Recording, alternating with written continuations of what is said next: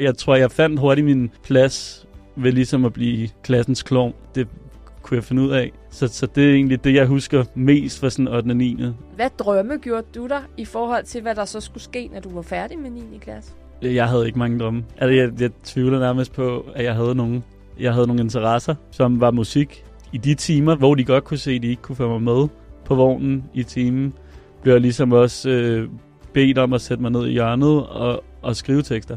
Jeg tror, at jeg vidste, hvad jeg ikke skulle, og jeg skulle ikke være lærer eller pædagog, Nej. hvilket jeg tilfældigvis er nu. Og jeg synes, det er pisse sejt. Du har fundet det, du gerne vil, og du har fulgt det. Og det med, at du også stadig har musikken bag dig, Ja. øhm, og stadig også fokuserer på det, imens du også har noget andet, du godt kan lide at lave ved siden af. Det tror jeg også er en kæmpe inspiration for de unge. At man faktisk kan have to drømme, og du følger også begge dine drømme, kan man ligesom sige. Jeg synes, den idé om MGP, den er genial. Ja, det- jeg det er synes jeg også sikker virkelig på, også, at ja. de der unger vil top elske Ja. at lave MGP sammen med dig. øh, jeg er 100 på det, så det jeg tror bare, det er at kaste ud den. Det gør jeg. Jeg vil Ja. gerne være vært, hvis det er. Og du vil Ja. gerne Jeg med. vil gerne ja, være vi vil ja. gerne med at se. Det Yes. er nemlig rigtigt.